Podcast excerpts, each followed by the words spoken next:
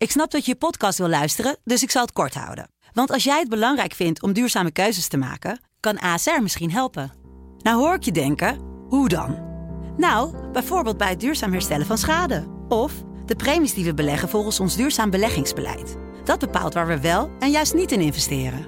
Wil je meer weten over welke duurzame keuzes ASR maakt? Ga dan naar asr.nl slash duurzame keuzes. ASR doet het. Zo, dan kan je nu lekker naar je podcast luisteren. Dit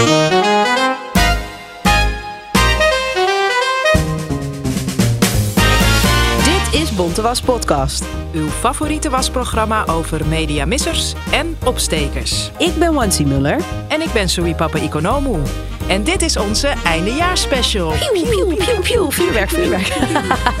We bespreken de hoogte- en dieptepunten van 2022 in Medialand. Maar we beginnen natuurlijk even met de meest recente mediamissers en opstekers. Ja, het zou leuk zijn als dat een keer niet zo, zo hoeveel was. Nee, hè? Dat, we die zeggen, van, nou, we hoeven alleen terug te blikken. Ja, of alleen opstekers te melden, maar nee. Nee, zo'n feest is het niet. Nee. Eh, ja, we gaan toch weer eh, terugkomen op het WK. Die, dat is nog steeds gaande op dit moment. En eh, we hebben natuurlijk vorige aflevering al iets gezegd over hoe wij kijken naar wel kijken, niet kijken, Qatar, mensenrechten schendingen, hypocrisie, wanneer we daar wel en niet over hebben. Ehm, maar. zoals de luisteraar misschien ook gevolgd heeft, doet, en dat is onwijs leuk, Marokko het natuurlijk ontzettend goed op het WK. Maar het is natuurlijk wel weer interessant om te zien wat er dan gebeurt in de berichtgeving daarover. Yep.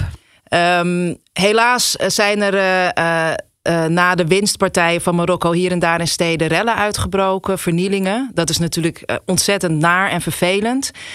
Um, dat gebeurt natuurlijk vaker met, met, met allerlei belangrijke voetbalwedstrijden. Of ze nou winnen of verliezen, maakt niet uit. Als Ajax ziet, heb ik me helaas ook moeten meemaken dat er dan toch altijd wat gespuis overblijft die het nodig vindt. Om dingen stuk te maken. Nou, dat is natuurlijk vervelend, belachelijk. Daar moet je tegen optreden. Alleen wat gebeurt er natuurlijk op dit soort momenten altijd weer? Dan komen de racisten weer onder hun steen vandaan gekropen. Ja, ja, ja, ja. was het maar zo'n feest hè, ja, dat we daarover leuk uh, en vrolijk konden zijn. Nee, het is, uh, nee. dan, dan gaat het natuurlijk weer erover dat het natuurlijk veel Marokkaanse Nederlanders zijn die de, die de straat op gaan. En ja, ik weet niet of jij heel goed hebt gecheckt uh, wie het allemaal waren die zijn gaan rellen. Maar uh, daar worden natuurlijk ook weer allerlei aannames over gedaan. Maar er moet ineens dan wat over gezegd worden. Het moet aan afkomst gekoppeld worden. Er moet weer Ehm, geduid worden. Er moet, er, weer, uh, er moet weer afstand van genomen worden. Nou, dat ook. En met alle respect, ik bedoel, ik begrijp uh, dat, dat mensen denken van... oh, ik ga er toch maar weer iets over zeggen. Maar je hoeft echt geen excuses aan te bieden hoor. Uh, iedereen keurt dit natuurlijk af. Maar het zegt natuurlijk weer iets over hoe wij kijken uh, in dit land naar mensen die uh, ook een niet-Nederlandse afkomst hebben, in dit geval Marokkaanse afkomst. Dan wordt daar weer eens extra wat aan gevonden. Nou, we kunnen daar een eindeloze serie van voorbeelden over geven. maar we moesten ons toch ook wat beperken. dus ik wil hem aanzwengelen met, um, nou, dat heet geloof ik dit jaar NOS WK Studio, Studio WK, zoiets. Nou ja, het praatprogramma na elke wedstrijd wedstrijd van de NOS. En um, nou, daar zitten steeds verschillende voetbalanalisten. Uh, een van de vaste is Rafael van der Vaart. Een andere is Ibrahim Afellay. Twee uh, pro, oud voormalig profvoetballers. Ik hoop dat ik dat nu goed zeg. Of is, nee, Afellay is volgens mij ook gestopt inmiddels. Anders, sorry Afellay. Ik kan je niet helpen, want ik weet het Je zit me ook heel vragen ja, te kijken. Het zou wel heel leuk zijn als Ibra Ibrahim Afellay naar deze podcast luistert. Maar sorry, dat is even een heel raar zijpaadje. Maar goed, die zaten in de studio met een aantal andere mensen aan tafel. En uh, dit werd besproken, dus die rellen na, ik geloof, de, het winnen van de achtste finale tegen Spanje. En uh, wat doet Rafael van der Vaart? Nou, die zegt, dit is oh, belachelijk, belachelijk. Nou, tuurlijk, eens. En dan zegt hij, uh, Ibi, spreek je volk toe of spreek het volk toe. En ja, Ibrahim Afellay gaat dan af. Oh, braaf, ja, wat moet je op zo'n moment daar iets over zeggen? En het is belachelijk. Nou ja, je, tuigen, kan, je, kan, uh, je kan uh, Rafael confronteren met zijn onzinnige uitspraak. Zeker, maar da daar zat ik ook over na te denken. Op weg uh, hier naar de studio toe. Wat is het fijn om weer in de studio te zitten. maar tuurlijk, hè, en dat, had, dat, dat moment had hij kunnen pakken. Maar het is ook. Um, eh, ook dan krijg je weer heel veel shit over je. Je wordt Ja. zo voor het blok gezet. Mhm. En om, om, om zo. eh, en hij zegt, dus, Rafael zegt geloof ik dus nog wel: het is een beetje lullig, maar. En ik zeg nee, het is een beetje racistisch. dat is waar dit over gaat. En wat ik daarbij ehm, ook die presentator die doet niks, hè? Die, die lult alleen maar mee. En dan denk ik: grijp in, man. Zeg gewoon tegen Rafael van der Vaart: wat is dat nou voor rare vraag? Waarom stel je die aan, aan Ibrahim Afellay? Pak Mhm. Ja. hem maar aan, weet je wel. Dat mag best wel eens even. Ja, ik, de- ik, ik kan wel bedenken waarom hij dat niet doet. Omdat hij misschien die, die vraag zelf wel aan Avalai had willen stellen. Ja, hij heeft het niet door. Ja. Dus eh, nee, ja, ik. eh, ik eh, want dit is, we hebben het nu over Studio WK voetbal of hoe het heet. maar, maar dit gebeurde natuurlijk ook in, in, in allerlei andere media. waarin ehm, er. Ja, Marokkaanse Nederlanders ineens weer Marokkanen worden genoemd. Ja. Eh, maar ik zag ook, eh, een, eh, als we het toch even bij Studio WK houden, een, een interessante tweet voorbij komen van ja, onze koningin Saada Noorhoesen. die eigenlijk altijd rake tweets eruit gooit. Die zat namelijk te kijken en die zag dat er een poging tot sociologische duiding werd gedaan door aan de Marokkaans-Nederlandse correspondent eh, te vragen hoe feestende Marokkanen in Marokko dus kijken naar de rellende Marokkaanse Nederlanders. En toen zei die correspondent, ja, ze snappen de vraag niet. Ze zeggen dat zijn toch Nederlanders? Precies. Ja, daar zit je dus met je bek vol tanden. En Rafael van der Vaart, daar was hij weer. Die zegt, hè, krijgt Nederland nou de schuld? Oh nee! Ja, waarop de presentator zegt: Nou ja, ze zijn wel hier geboren en getogen. En toen zei eh volgens mij Nou, Rafael, nou, maar ze gingen de straat op vanwege Marokko. Ja, jeetje jongens, they can never win. Dat is in ieder geval één ding. Want ze mogen dus niet voor eh, Marokko zijn. eh, maar ze- ja, ze mogen ook niet voor Nederland zijn. Want ja, jullie zijn Marokkanen. Dus het is nooit goed. Maar dit, ja, dit was natuurlijk een zeer treffend antwoord van die correspondent. Eh, want waarom, Ja. wat, heeft, wat hebben Marokkanen in Marokko hier nou weer mee te maken? Nee, het is. En voor mensen die, die, die hier zich nog verder in wil verdiepen, of die toch denk ik begrijpen toch niet helemaal. Eh, Mohammed El Baroudi, een politiek econoom, heeft een geweldig eh, goed stuk voor trouw geschreven. Een opiniestuk waarin hij uitlegt waarom, hoe racistisch dit is en hoe pijnlijk dit is. Hoe je continu nog mensen gaat aanspreken op een soort gedeelde afkomst. Zoals ik net al zei, ja, ik ben Ajaxiet. Ehm Niemand gaat aan mij als Amsterdammer vragen of van jou als Amsterdammer vragen om je eh, verontschuldigingen aan te bieden of, of iets dergelijks als Ajax-hooligans eh, eh, de boel kort en kwijt staan. Daar gaat het om dat in dit geval ineens afkomst wel weer erbij gepakt wordt. Ehm, dus ja, lees vooral ook dat stuk van Mohammed El Baroudi, die legt het heel erg goed uit. Nee, ook echt een legendarische tweet weer van Saada, want dit is dus precies waar het over gaat. Ja. Laat de absurditeit zien. En het is ook mooi dat dat dan gewoon, gewoon wordt blootgelegd in een talkshow.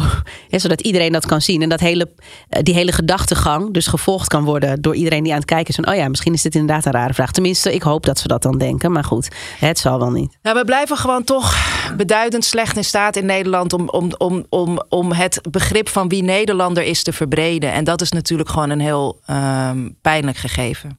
Ja, ik moet toch nog eventjes eh, verder gaan met, eh, ja, ik noem het maar even de WK poep. Sorry. WK poepminuutje. Ja, nee, ja, poepminuutjes. Ja, nee, want ehm, dat, is, dat is er niet één van mij. Maar ik vond het wel mooi, want hij is toch wel een beetje besmet door mijn eh, kijk op de media. Eh, mijn vriend die zat te kijken vol verbazing over hoe er werd gesproken over de winst van Senegal. En dan weet ik niet tegen wie ze speelden. Maar daar, daar waren blijkbaar de, de commentatoren of de mensen in de studio super verbaasd over. En hij zei, maar hoezo? Zij zijn de winnaar van de Afrika Cup. Dus ze zijn gewoon heel goed. En dat geldt echt voor een heleboel landen. Hè? Want eh, er zijn nu best wel verrassende landen die dan door zijn gegaan. Of die hebben gewonnen van andere partijen van wie we hadden verwacht dat die zouden winnen. En dan eh, wordt daar toch op een bepaalde manier over gesproken. Overigens is dit nog een onderwerp wat we ook een keertje gaan aansnijden, denk ik, in Bonte Was. Hè? Sportjournalistiek. Oh. En hoe er wordt geschreven over eh, spelers van kleur ten opzichte van witte spelers. Ehm, maar dit, dit vond ik dus ook weer zo treffend. Dat je, dat je dan helemaal verbaasd bent over dat Senegal een wedstrijd wint. Wat zegt dat over jouw kijk op Senegal? Ja, het is navelstaarderig, maar ook dat toch weer dat westerse suprematische, supremistische denken. Ik hoop dat ik dat nu goed uitspreek. Niet zich kunnen voorstellen, ook duidelijk nog eens slecht ook. Het is gewoon slechte journalistiek dat je daarvan allemaal niet op de hoogte bent. Ja.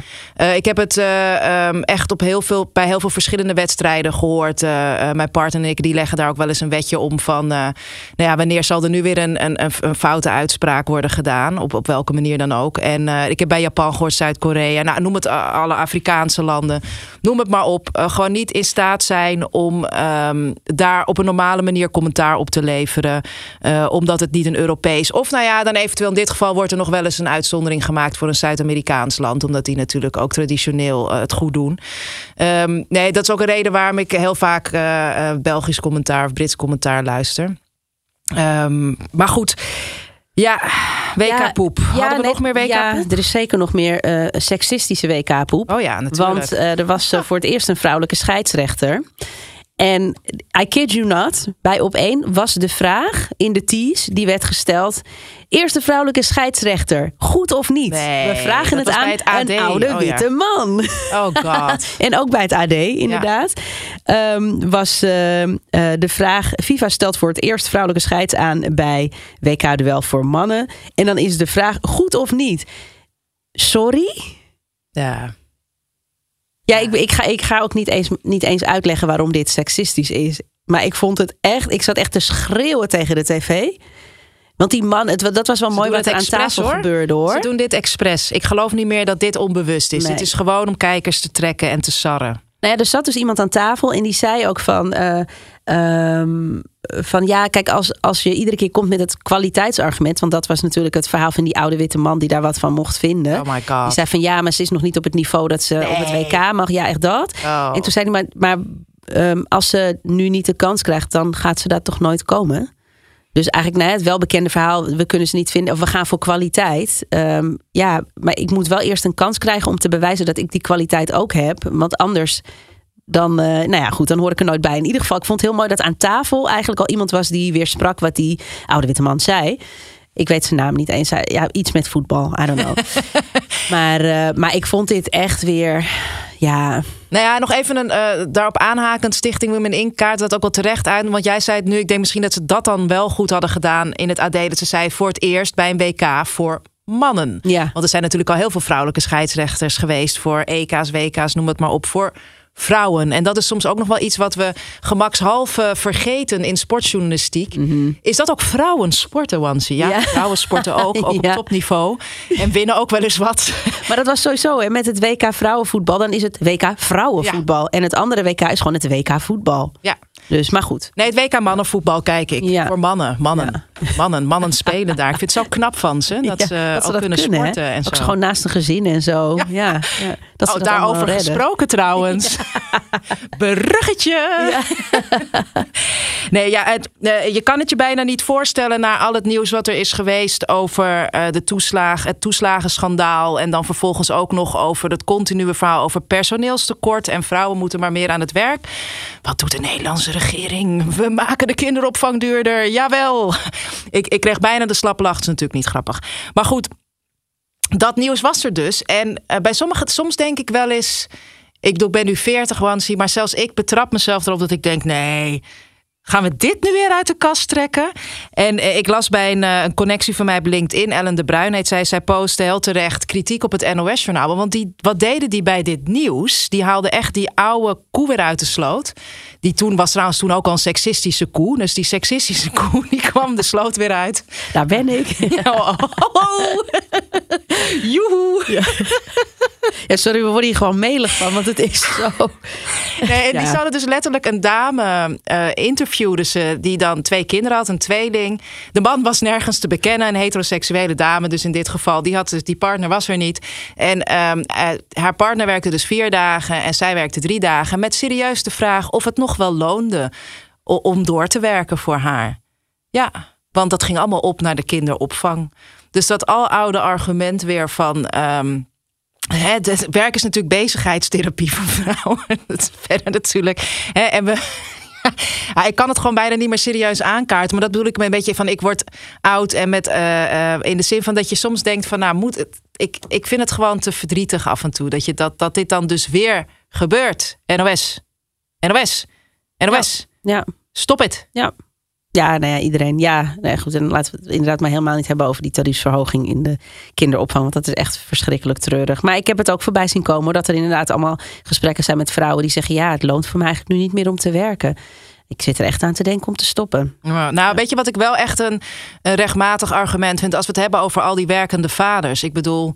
Ja, die kunnen net zo goed stoppen met werken nu, toch? Ja, want voor hun loont het ook niet. Ja. Nou ja, maar dat is natuurlijk wel het probleem dat het gemiddelde man nog steeds meer verdient dan een vrouw. Dus ja, nou goed. Dan duiken we weer in, uh, in een compleet andere. Ja. Uh, in een compleet ander onderwerp. En daar hebben we vrij weinig tijd voor. Want we hebben nog verschrikkelijk veel wat we met je willen doornemen. We zijn namelijk nog steeds niet bij de terugblik. Er zijn nog steeds wat recente dingen die we willen aanstippen. Zeker, ja, er is. Uh, het was. Um, deze week was het 40 jaar geleden. Ja, ik zeg net, ik ben 40, maar klopt inderdaad. Was in mijn geboortejaar dat de decembermoorden plaatsvonden. Ja, ja 15 uh, critici van het uh, militair bewind in Suriname zijn uh, opgepakt midden in de nacht naar Fort Zeelandia gebracht en daar geëxecuteerd, gemarteld en daarna geëxecuteerd. Um, ja, omdat zij het niet eens waren met um, um, ja, de koep die Bouterse en de, het leger had gepleegd. Uh, een verschrikkelijke gebeurtenis, nog steeds niet afgerond. Um, ja, en daar zijn twee documentaires over. Uh, eentje die heet uh, Het is geen verleden van documentairemaakster Ida Does. Die was, uh, we nemen dit op op vrijdag 9 december. Die was gisteravond op tv, kwart over tien. Ja. en dan heb ik in mijn um, programma op Sublime met haar gebeld. om het daarover te hebben. Het, het, is natuurlijk het is een heel zwaar onderwerp. Het is niet gezellig, het is niet leuk. Uh, maar wat zij heel mooi aangaf is dat, uh, ondanks dat het in Suriname natuurlijk zo lang geleden is, het is, zoals de titel al zegt, nog steeds. Um, het, uh, ja, het, is, het is geen verleden. Maar zij trekt ook heel mooi een parallel tussen. Er zijn nu ook andere landen waar waar dit soort dingen gebeuren. Hè. Kijk naar Iran, uh, kijk naar uh, Korea, weet ik het veel allemaal. Dus, dus om aan te geven dat het, um, ook al is het voor, voor, sommige mensen inderdaad van, oh, dit is al 40 jaar terug, dit blijft gebeuren. Ja. En daarom moeten we daar scherp op uh, zijn.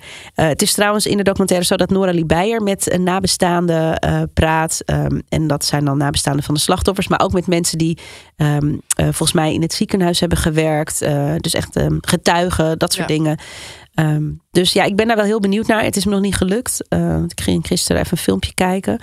Uh, maar ik heb wel een andere documentaire gezien die ook over de decembermoorden gaat. Of eigenlijk over de nasleep daarvan. En dat is Beste Meneer Bouterse. Gemaakt door Ananta Kumraj. En dat is ook een journaliste die deels is opgegroeid in Suriname, deels in Nederland. Een uh, dertiger is zij.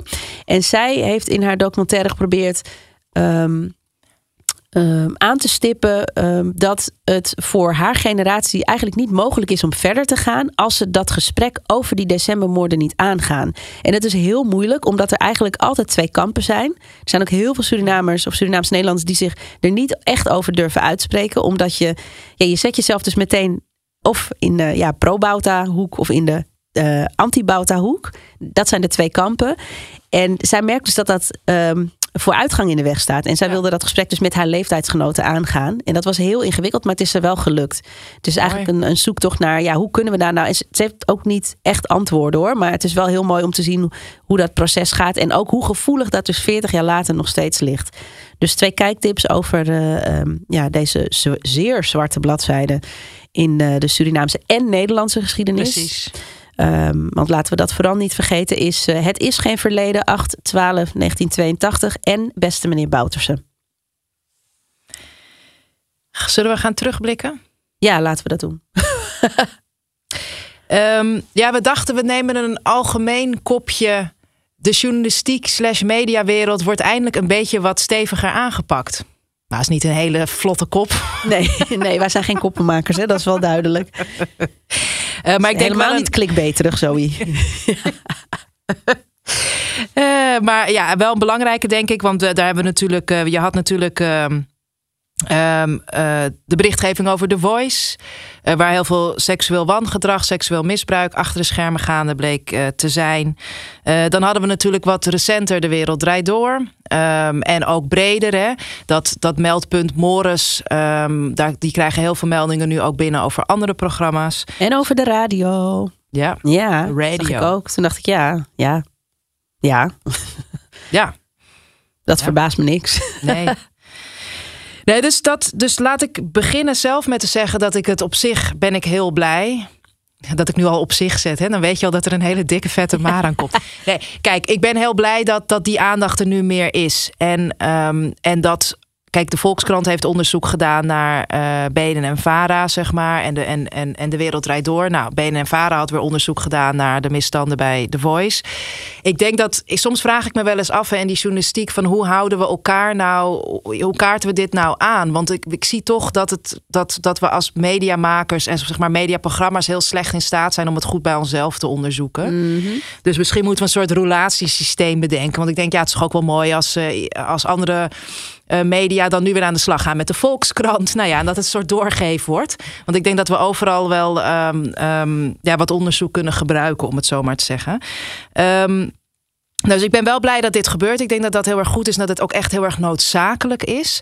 Want wat we toch heel lang hebben gezien is dat dit een beetje een, een, een media praten niet zo graag over zichzelf. Wat ik altijd heel interessant vind. Want ze, ze nodigen wel het elkaar uit in, in praatprogramma's. Ja. Om, om, visies te geven. Maar echt elkaar kritisch aan de tand voelen. En wat daar gebeurt is altijd ingewikkelder. Um, dus daar ben ik blij mee. Wat ik eigenlijk in de vorige aflevering hadden we het natuurlijk al over de wereldrijd door. Wat ik toen vergeten ben te zeggen. En wat voor mij wel een heel belangrijk punt is. Wat ik wel ook nu weer uh, jammer vind. Nou, laat ik maar zeggen pijnlijk. Is dat nu dus um, vooral bij de Wereldrijd Door ook witte, witte mannelijke medewerkers en redacteuren uh, ook slachtoffer zijn. In dit geval van intimiderend, uh, intimiderend gedrag. Uh, of gewelddadig gedrag, hoe je het wil noemen. Um, dat er dan, ik ben heel blij dat er zo dat er commissies worden ingesteld, onderzoek wordt ingesteld. Maar ik vind het wel opvallend, want ook weer hier een onderdeel van is uh, discriminerend gedrag, uh, waaronder ook racistisch gedrag. En um, ja, wanneer dat wordt aangekaart, ja, jij verwoordde het eerder ook een keer wel heel mooi, hè? Dan, dan vervelend, maar het valt wel mee. Of hoe zei je het nou? Ja, ja, nee, ja, ja, nee. ga maar gewoon naar het meldpunt. En uh, ja, we, we betreuren dit. Vervelend. Ja, ja het zou niet zo moeten zijn. Dat, dat is dan. Uh, maar we gaan niet allerlei onderzoeken instellen, want het zijn incidenten. Precies. Ja. En dat vind ik wel een heel pijnlijk gegeven. Terwijl er op heel veel momenten. Ik heb natuurlijk met Annebrecht Dijkman. Uh, nou, waar we jou natuurlijk ook ooit voor geïnterviewd hebben. Heb je een boze moslim voor mij geschreven. Het, het zijn geen incidenten. Ook dit is gaande. En uh, dat, dan zijn er niet allerlei commissies. Is, is het niet uh, wekenlang in het nieuws. En dat, dat, dat vind ik wel heel erg belangrijk om te benoemen. Ook met het oog op. Hè, die, die commissie is geloof ik nog niet helemaal compleet. Maar de mensen die nu dit onderzoek gaan trekken, dat zijn wel mensen natuurlijk van. Goden zij gedankt buiten de NPO. En ongetwijfeld allemaal goede mensen. Maar het zijn toch wel weer allemaal. Um, witte mannen van een zekere leeftijd. En dan denk ik wel, ja, zo'n commissie moet ook breder. Sorry, ik moet daar echt om lachen. Want is er dan niemand die denkt: jongens, dit moeten we niet doen? We kunnen nu niet een commissie over dit probleem inst nou ja, ja. Ik, ja. Nou, blijkbaar bij de NPO in ieder geval niet. Ja. Wel mensen die het van buiten zien. Maar goed, dit was even. Ik kan hier nog uh, eindeloos over doorgaan hoor. Wat ik hiervan vind. Ik ben heel benieuwd hoe dit ook verder verloopt. Want het wordt nu gesignaleerd. Het wordt onderzocht.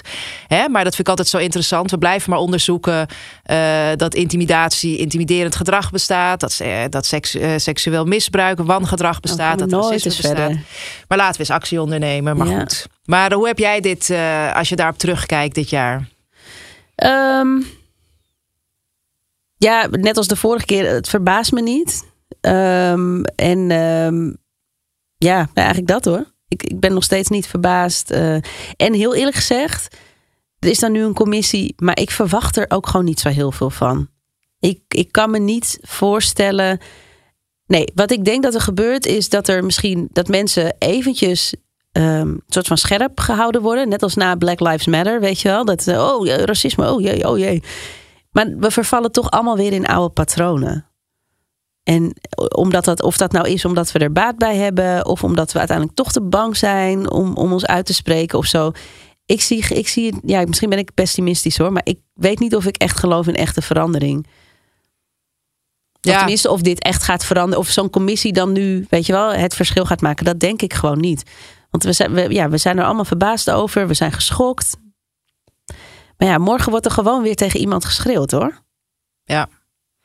Ja, de vraag is ook inderdaad van hoeveel, hoeveel bereidheid is er ook om echt actie te ondernemen. Ik zie Ja. dit natuurlijk, ik kom natuurlijk in heel veel verschillende type organisaties.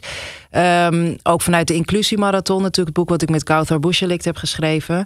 En dit is natuurlijk geen uniek gedrag voor de mediawereld. Eh, je ziet het wel ik zie het zelf wat meer in beroepsgroepen waar wel heel, ehm, heel veel tijdsdruk is. En waar ook soms de buitenwereld eh, onveilig is. Ehm, nou is de buitenwereld per, voor de DWDD niet per se onveilig. Maar je staat wel ook, er wordt heel erg naar je gekeken. Maar hè, ik denk bijvoorbeeld aan politie of brandweer. En voor actualiteitsjournalisten geldt dat natuurlijk wel degelijk. Dan zie je dat er dus binnen hele gekke dingen soms gebeuren. Ehm, en ja, wat ik zie, wat, wat, wat, wat vaak inderdaad moeilijk wordt gevonden, is als het al dan aan de kaak gesteld wordt, hè, gesignaleerd wordt en aan de kaak gesteld wordt, dan is er toch een soort ehm, huivering om echt, echt paal en perk te gaan stellen. En dat betekent ook dat ehm, natuurlijk kan je krijgen, kijken of je mensen nog meekrijgt die dit gedrag vertonen. Maar het betekent ook dat je, ja, dat soms mensen misschien dat je afscheid moet gaan nemen van mensen. Dat er type leidinggevenden eh, moeten worden aangesteld die een heel, heel ander gedrag vertonen. En ja, ik zie dat dat vaak toch nog heel moeilijk wordt gevonden. En dat heeft inderdaad voor een groot deel te maken met wat jij ook beschrijft. Dus ja, mensen zijn dan gewend om iets op een bepaalde manier te doen. En waar we het vorige keer over hebben gehad, daar wordt dan een soort. Daar wordt zelfs nog kwaliteit aan verbonden. Van ja, dat hoort er nou eenmaal bij. Of hè, dat is nou eenmaal de beste manier om het beste programma te maken. En dan, eh, en dan weer door. En dan ben je een, eh, een, een zacht ei of een sukkel als je daar allemaal niet tegen kan. Ik knik. Ja. Ja. ja, ik wil nog wel even een korte tip geven voordat we overgaan naar de eh, volgende terugblik. Ehm, dat hebben we ook gedeeld op onze Twitter, het Podcast. Ehm, dat is een artikel van de Groene Amsterdammer over MeToo in de journalistiek. Dus dat vond ik wel mooi. Dus de Groene Amsterdammer die heeft ook wel naar binnen gekeken. Zullen we maar zeggen van ja, hoe zit dat eigenlijk? We bespreken het de hele tijd op allerlei andere gebieden. Maar hoe zit het bij ons? En natuurlijk gebeurt dat in de journalistiek ook. Want we zijn allemaal mensen. Uh, maar dat is een tip die we nog even in de show notes gaan toevoegen. Ja, en toch nog die zelfreflectie mis ik. Hè? Jij noemde Erik Dijkse vorige keer die dat, is, die, die dat hoorde doen. En ik, ik zie heel half bakken af en toe wel een, een hoofdredacteur... of iemand die dan zeg maar zo drie zinnen in zijn kolompje of iets wijdt aan... Uh, heb ik dat zelfgedrag dan ook wel eens vertoond? Uh, nou, misschien heb ik ook wel een keer tegen iemand geschreeuwd. Maar, weet je wel, en, en dan denk ik... ja, als je niet bereid bent naar je eigen gedrag te, te gaan kijken... ik bedoel, laten we, laten we dat dan eens massaal gaan doen... in plaats van dan allemaal gaan wijzen naar... maar daar was het wel heel erg. Dat hoor ik net. Daar was het wel heel erg. Mhm. Mm -hmm. Kijk even naar jezelf, alsjeblieft. Ja, verdere terugblikken, hè, want ja, ik bedoel, er zijn zoveel dingen gebeurden natuurlijk in een jaar. Ik denk dat toch wel een hele opvallende was. Um, de manier waarop er bericht werd over um, uh, de inval van Rusland in Oekraïne Mhm. mm -hmm. en Oekraïense vluchtelingen. Um, nou ja, laat ik vooropstellen dat daarop, vind ik, op een goede manier over bericht is. In de zin dat daar veel aandacht voor was. Uh, dat het heel erg, hè, dat je merkte dat het veel meer gevoeld werd. Uh, dus ook door de mediamakers die hier aandacht aan besteden, hoe erg dat was. Um, maar ja, de andere kant daarvan was is dus dat we dus blijkbaar als, als Nederlandse media niet in staat zijn om die gevoeligheid en, en die aandacht te hebben voor uh, vluchtelingen in het algemeen. Want er zijn natuurlijk al heel lang heel veel vluchtelingen.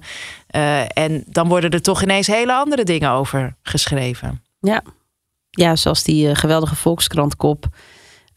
Die we ook in een van de Bonte Was afleveringen van dit jaar hebben besproken. Die ik niet meer ga herhalen. Maar goed. Um, ja, ik, um, ik vind dat ook weer heel pijnlijk om te zien hoe, er, uh, hoe mensen niet in staat waren om het, de empathie, um, om via de media de empathie voor bijvoorbeeld mensen uit Afghanistan uh, over te brengen in artikelen. en voor mensen uit Oekraïne wel. Nou ja, en wat, ik, wat echt, echt een dieptepunt was natuurlijk, was die verslaggever die letterlijk zei ja, dit raakt ons natuurlijk veel meer, want nu lijken ze op ons. Dat was gewoon iemand, een journalist. Was dat in Amerika? Was dat in, uh, in Amerika? Een Engelstalige man. Ja. Volgens mij was dat, ik weet niet of dat in Engeland was, maar in ieder geval hij sprak Engels.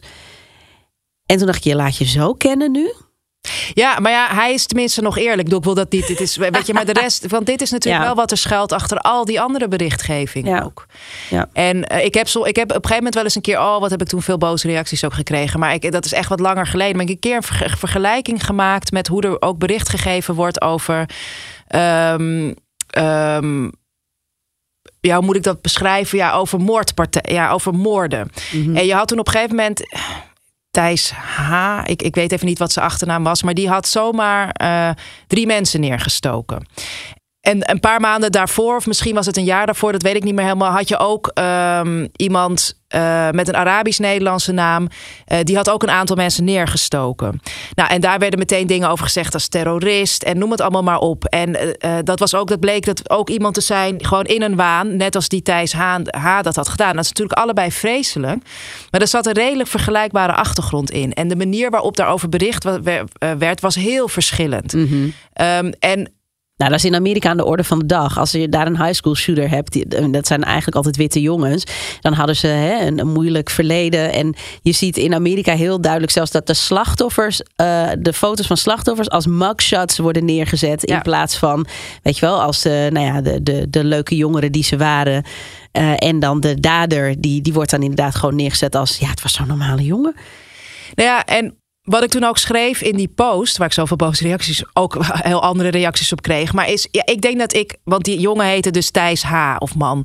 Ehm, ik denk dat ik zo wel, nou minimaal als ik nu meteen even nadenk, vijf, maar misschien wel twintig Thijssen kan opnoemen die in de media werken. Eh, en ik kan niet zoveel, ja, ik weet dus niet hoe die andere man heette, Ismaëls of Ibrahims opnoemen die in de media werken. En dit ligt daar dus ook aan ten grondslag. We zijn zo homogeen als media. Dat je dus dit soort dingen ook steeds gebeuren. En eh, er is dan ineens ook een behoefte om te weten wat. Hoe kan dat nou? Dat zo'n Thijs H. zomaar mensen neersteekt. En dan willen we ineens weten hoe dat komt en wat erachter zit. Inderdaad, wat jij ook beschrijft over die high school shootings. Dan moeten daar allerlei verklaringen. Dan heb je ineens recht op eh, verklaring en zichtbaarheid. En in het andere geval is het terrorist. eh, weet ik veel wat er allemaal bedacht wordt. En dat, dat is dus ook als je het hebt over vluchtelingen uit Oekraïne heel belangrijk dat daar zoveel aandacht voor is. Dat daar empathie bij is. Dat daar eh, mensen op het bot daarover willen berichten. En ook heel veel over willen berichten. Maar mogen andere mensen die zichtbaarheid ook hebben? Ehm, ja. Over zichtbaarheid gesproken die niet terecht was. Het apenpokkenvirus. Oh ja. Want naast corona hadden we natuurlijk nog een, eh, een virus dat eh, eventjes ons op scherp zette. Eh, sowieso eh, was die berichtgeving, dat, dat vond ik ook een beetje ingewikkeld. Er waren ook mensen die zeiden het is heel homofoob om, om zo te focussen op dat het vooral ehm, ehm, mensen, eh, zeg maar gays betreft of mannen die seks hebben met mannen. Maar ehm, ik luister naar een podcast van Dan Savage, de Savage Lovecast. En die doet dan altijd aan het begin een soort van commentaar op eh, wat er is gebeurd in het nieuws. En die zei ook van, ik ben juist blij dat ze dat doen. Want wij als gay men en men that have sex with men... moeten weten dat dit ons meer treft dan andere mensen. Dus dat vond ik een beetje een moeilijke kwestie. Maar eh, gewoon eventjes een voorbeeldje daaruit. Ehm, dat apenpokkenvirus speelde dus vooral in Europa. Ik weet niet of het nou Frankrijk was of zo, waar het voor het eerst in, in Europa eh, ontdekt was. Maar in ieder geval, daar deden ze dan een foto bij. Van het apenpokkenvirus is in Europa. Van een zwart persoon uit een Afrikaans land. Waar het apenpokkenvirus ook al was. Oh, jeetje Mina. Ja. En daar zijn ze toen heel erg op aangesproken. Ik denk dat het RTL was. Ik weet niet zeker hoor. Maar eh, daar zijn ze toen op aangesproken. En die foto hebben ze natuurlijk aangepast. Maar het feit dat je dus niet in eerste instantie al een, een passende foto erbij doet, geeft ook weer aan dat je ja, lekker aan framing doet. Ja, en ook dat weer, nou, we, dat sluit aan op wat we natuurlijk eh, bespraken. Hele homogene redacties. Ja. En dan is er dus, ben je blijkbaar zo homogeen dat er nergens in die schijf iemand zegt: hé hey, jongens, let eens op. Ja. Nou ja, dan gaan we misschien wel naar een van de eh, meest betreurenswaardige, slash fremende, slash beschamende mediamomenten van het jaar. Sowieso heel beschamend in algemene zin wat er natuurlijk gebeurt en wat nog steeds niet helemaal is opgelost eh, in de vluchtelingenopvang in Nederland, ehm, asielzoekersopvang. Maar in de zomer liep dat natuurlijk echt de spuigaten uit in Ter Apel, waar mensen continu buiten moesten slapen in vreselijke omstandigheden. En de redactie van Op één dacht, weet je wat? Ach, we gaan daar onze tafel voor het, ehm, asielzoekerscentrum opstellen. En dan zie je dus daar mensen praten met alleen maar bij, in principe dus niet met de mensen over wie het gaat. Die mochten leuk als achtergrond dienen terwijl ze achter tralies staan te kijken. Nou, ik. Ja, het, het was een zel, nou, niet, niet, nee, ik wou zeggen een zeldzaam beschamend moment. Ik wou dat ik het zeldzaam haal ik weg, maar het was wel echt een beschamend moment. Ja, heel verdrietig. Dus, Als je er weer over nadenkt, ik vind het echt verdrietig. Ja. En ook dat ze, ik vraag me ook af, zijn ze daar nou trots op? Weet je wel, hoe kijken ze er nou op terug? Ja, ik heb daar niet heel veel over gehoord. Kan aan mij liggen hoor. Maar het is niet dat ik nou denk van daar is dus even een hele stevige diepte eh, sessie geweest bij opeens. Ze zullen het er wel over gehad hebben. Dat kan niet anders. En er zullen denk ik ook. Er zal ook dus er vast ook discussies zijn geweest. Maar ergens, en dit is mijn cynische kant. Is denk ik dat er, doordat er zo, ook zoveel kritiek hierop was, hebben ze natuurlijk ook weer heel veel aandacht gekregen. En ja, elke aandacht is goede aandacht, toch? I suppose. Ja. Nou, dan hebben we nog één dingetje wat ik nog even wil aanstippen. Wat ik eh, in eh, eerdere afleveringen ben vergeten te noemen. En daarom gewoon wel eventjes in deze eindejaarsspecial wil meenemen. Eerder dit jaar waren natuurlijk de verkiezingen. En uh, Omroep NTR die had een programma Kiespijn. Waarin ze uh, met, uh, ja, met mensen gingen praten over waar ze op zouden moeten stemmen. Um, en daar was dan een fragment van een dame waarbij ze volgens mij moesten raden wie de longboarder was. En er waren dan drie dames neergezet. En toen zei Rutger Kastricum um, over Esma Kendier, want zo heet die dame. Nee, zij kan niet de longboarder zijn, want zij draagt een hoofddoek. Oei. Nou, dat is natuurlijk al een pijnlijke opmerking aan zich. Volgens mij heeft zij daar in die uitzending wat over gezegd. Maar wat heeft Omroep NTR gedaan? In plaats van dit pijnlijke moment te laten zien en te laten zien hoe mensen denken, die hebben het eruit geknipt. Oh. Ja, ik heb dit bericht inderdaad ook voorbij zien komen. Zij deelde het zelf volgens Ja, mij. En daar ja. ben ik dan wel heel blij over, weet je. Want kijk, dit zijn natuurlijk dingen van de achterkant van, van, van de media... die we dus te weinig te zien krijgen. En ehm, terwijl het juist zo belangrijk is dat dit fragment er wel in was gebleven. Ik ben ook heel benieuwd of dat... Of die Rutger van Castricum het dan zelf wilde. eh, dat het eruit ging. Of dat de Ja. NTR daartoe heeft besloten. Maar eh, dan denk ik, ja, dit moet je dus wel laten zien. Nee, en zij beschreef dat zelf denk ik ook heel goed. Van weet je, iemand, dat is, ja, dat overkomt je dan. Het is heel pijnlijk. En dan, dan wordt dat er ook nog uitgehaald alsof het niet gebeurd is. Ja. Weet je wel? Ja, want jouw gevoel telt dan dus blijkbaar niet. nee. Ehm, nee, ja, erg pijnlijk. Maar goed, we hebben nu genoeg pijnlijks besproken, vind ik. Het is tijd voor eh, even wat opstekers. Ja, want er zijn natuurlijk ook weer, nou laten we ze lichtbrengers noemen, slash goede journalisten, wel goede journalisten. Nee, maar goed, in ieder geval wel, nou, wel hele goede journalisten en mensen die verantwoordelijk zijn geweest voor prachtige opstekers. Ehm, nou ja, laten we One World in zijn geheel natuurlijk altijd weer noemen, eh, die toch weer eh, ook zelf kritisch blijft, vind ik altijd belangrijk op hun eh, eigen taalgebruik en van alles aan de kaak blijven stellen. Dat we wat we toch helaas in, in eh, eh, de reguliere media veel minder voorbij zien komen. Dat geldt ook over Hasna Bouassa. Hebben we ook meerdere malen genoemd. Eh, die ook de, zeker ook de politieke verslaggeving scherp houdt. Ehm, zelf wilde ik graag ook nog even noemen The Reference Man. Een hele goede documentaire die is gemaakt eerder dit jaar over hoe eh, eigenlijk de gehele wereld is ingericht op de witte man van ongeveer 1,72 meter. En wat voor um, nou ja, levensgevaarlijke consequenties dat heeft voor mensen die dat niet zijn. dus dat Wij. ja, en heel, heel veel mensen met ons.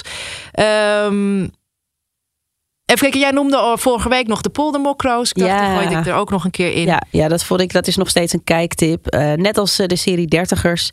Gewoon een leuke serie als je denkt ik wil even wat bingen. En, uh, en er zit ook iets van diversiteit in, dus dat is fijn. Um, en Safe Space, hè? Ja, dat was ook lachen. Ja, ja, van dat, Clarice Gargard en... Hasna El Maroudi. Ja. Um, nou ja, en dan toch als, als klein uitsmijtertje er nog bij. Want die wilde ik eigenlijk in het begin noemen. Maar uh, dat kan ook lekker hier. Um, lees ook nog even sowieso uh, heel veel mooie stukken. Maar uh, twee recente stukken van um, mediawetenschapper en journalist Reza Kartosen Wong. Hij schreef twee stukken. Eén over Kick-Out Zwarte Piet in het parool. En dan maakt hij ook een analyse voor hoe zij de, de afgelopen jaren zijn uh, behandeld. Uh, ook door de politie, uh, die niet ingrijpt of te laat ingrijpt. Um, dus dat is een goed stuk om te lezen. En hij heeft ook een, een essay geschreven voor. Um, voor Trouw, voor hun weekendeditie. En dat gaat over modelminderheid. Daar schrijft hij vaker over. Dat is heel erg interessant. Um, een groot deel van Aziatische Nederlanders wordt bijvoorbeeld vaak zo neergezet. Hè? Maar dit is ook heel erg een, een imperiaal, koloniale manier van mensen indelen. Uh, en dat beschrijft hij heel goed over hoe, je, hoe dan het idee wordt gewekt dat jij een soort betere allochtoon bent. Of een allochtoon die het wel goed doet. Hè? Mm -hmm. Wordt vaak over Iraanse Nederlanders bijvoorbeeld ook gezegd. Um, maar in wezen heb je ook met heel veel van hetzelfde type uh, racisme en machtsmisbruik te maken. Dus dat zijn nog uh, twee leestips. Hè. We gaan natuurlijk ook uh, de vakantietijd in. Dus Ik denkt... heb ook nog een kijktip als we het toch hebben over Gooi modelminderheden. Hanky Panky Goodbye. Oh ja. gemaakt door Roosmarijn Wind, een actrice die eigenlijk ja, onderzoek doet naar haat en racisme tegen Aziaten. ook een kijktip. Een heel mooi persoonlijk verhaal. Duurt niet zo heel lang. En, oh ja, die, die hebben we natuurlijk ook al eerder genoemd, maar die wil ik toch nog weer eventjes noemen. Stil Leven. De documentaire ja, van Rowan Blijt over de doodgeboorte van haar zoon Amari. Ja, dat, nou. is niet, dat is niet vrolijk om mee af te sluiten. Maar, ja, maar die wilde ik toch nog eventjes genoemd hebben. Nou, dan heb ik toch nog... is ook niet vrolijk om mee af te sluiten. Maar wel twee dingen die ik met terugwerkende kracht nog even wil noemen. Um, de series, documentaire series Klassen ja. en Schuldig. Zeker. Um, die zijn echt even de moeite waard om te zien als je ze nog niet gezien hebt. Um, en daar hoort dan ook nog uh, uh, nages, hoe heet het, nablijven bij. Uh, dat is een gesprek uh, in de studio met, met gasten. En uh, bij Schuldig wordt ook nog een podcast. een jaar later gaan ze weer naar al die hoofdrolspelers terug. Dus dat wil ik toch nog eventjes tippen. Mm, jullie hebben huiswerk? Zo, heel veel. Ja, en laat ons ook weten wat je ervan vindt. En of jij nog tips hebt. He, altijd welkom. Zeker. Ehm, dank voor het luisteren weer iedereen. Ook dit jaar weer 2022. En nou, we zijn weer heerlijk. komen we vlot en babbelig tot jullie vanuit de studio. Dat is toch heel gezellig. Um, we zijn er volgend jaar weer. Dan hopen we toch weer ook wat vaker gasten te kunnen uitnodigen. We zullen ook weer in de studio zijn. Uh, Wansi, het was weer een, uh, een eer en een gezelligheid uh, om het dit jaar met jou weer allemaal vol te lullen, deze podcast. Ja, en alvast een Happy New Year. Happy New Year. Dit was onze eindejaarsspecial van Bonte Was Podcast. Abonneer je op onze podcast via Spotify, Apple Podcasts of een andere podcast-app. En laat dan ook een recensie achter. Dat maakt het voor anderen makkelijker om Bonte Was Podcast te vinden. Heb je ook voorbeelden van missers of opstekers in de media? Of wil je meer weten over Bontewas Podcast? Volg ons dan op Twitter of Instagram via @bontewaspodcast. En word vriend van onze podcast door eenmalig of vaker te doneren via www.vriendvandeshow.nl/slash bontewaspodcast.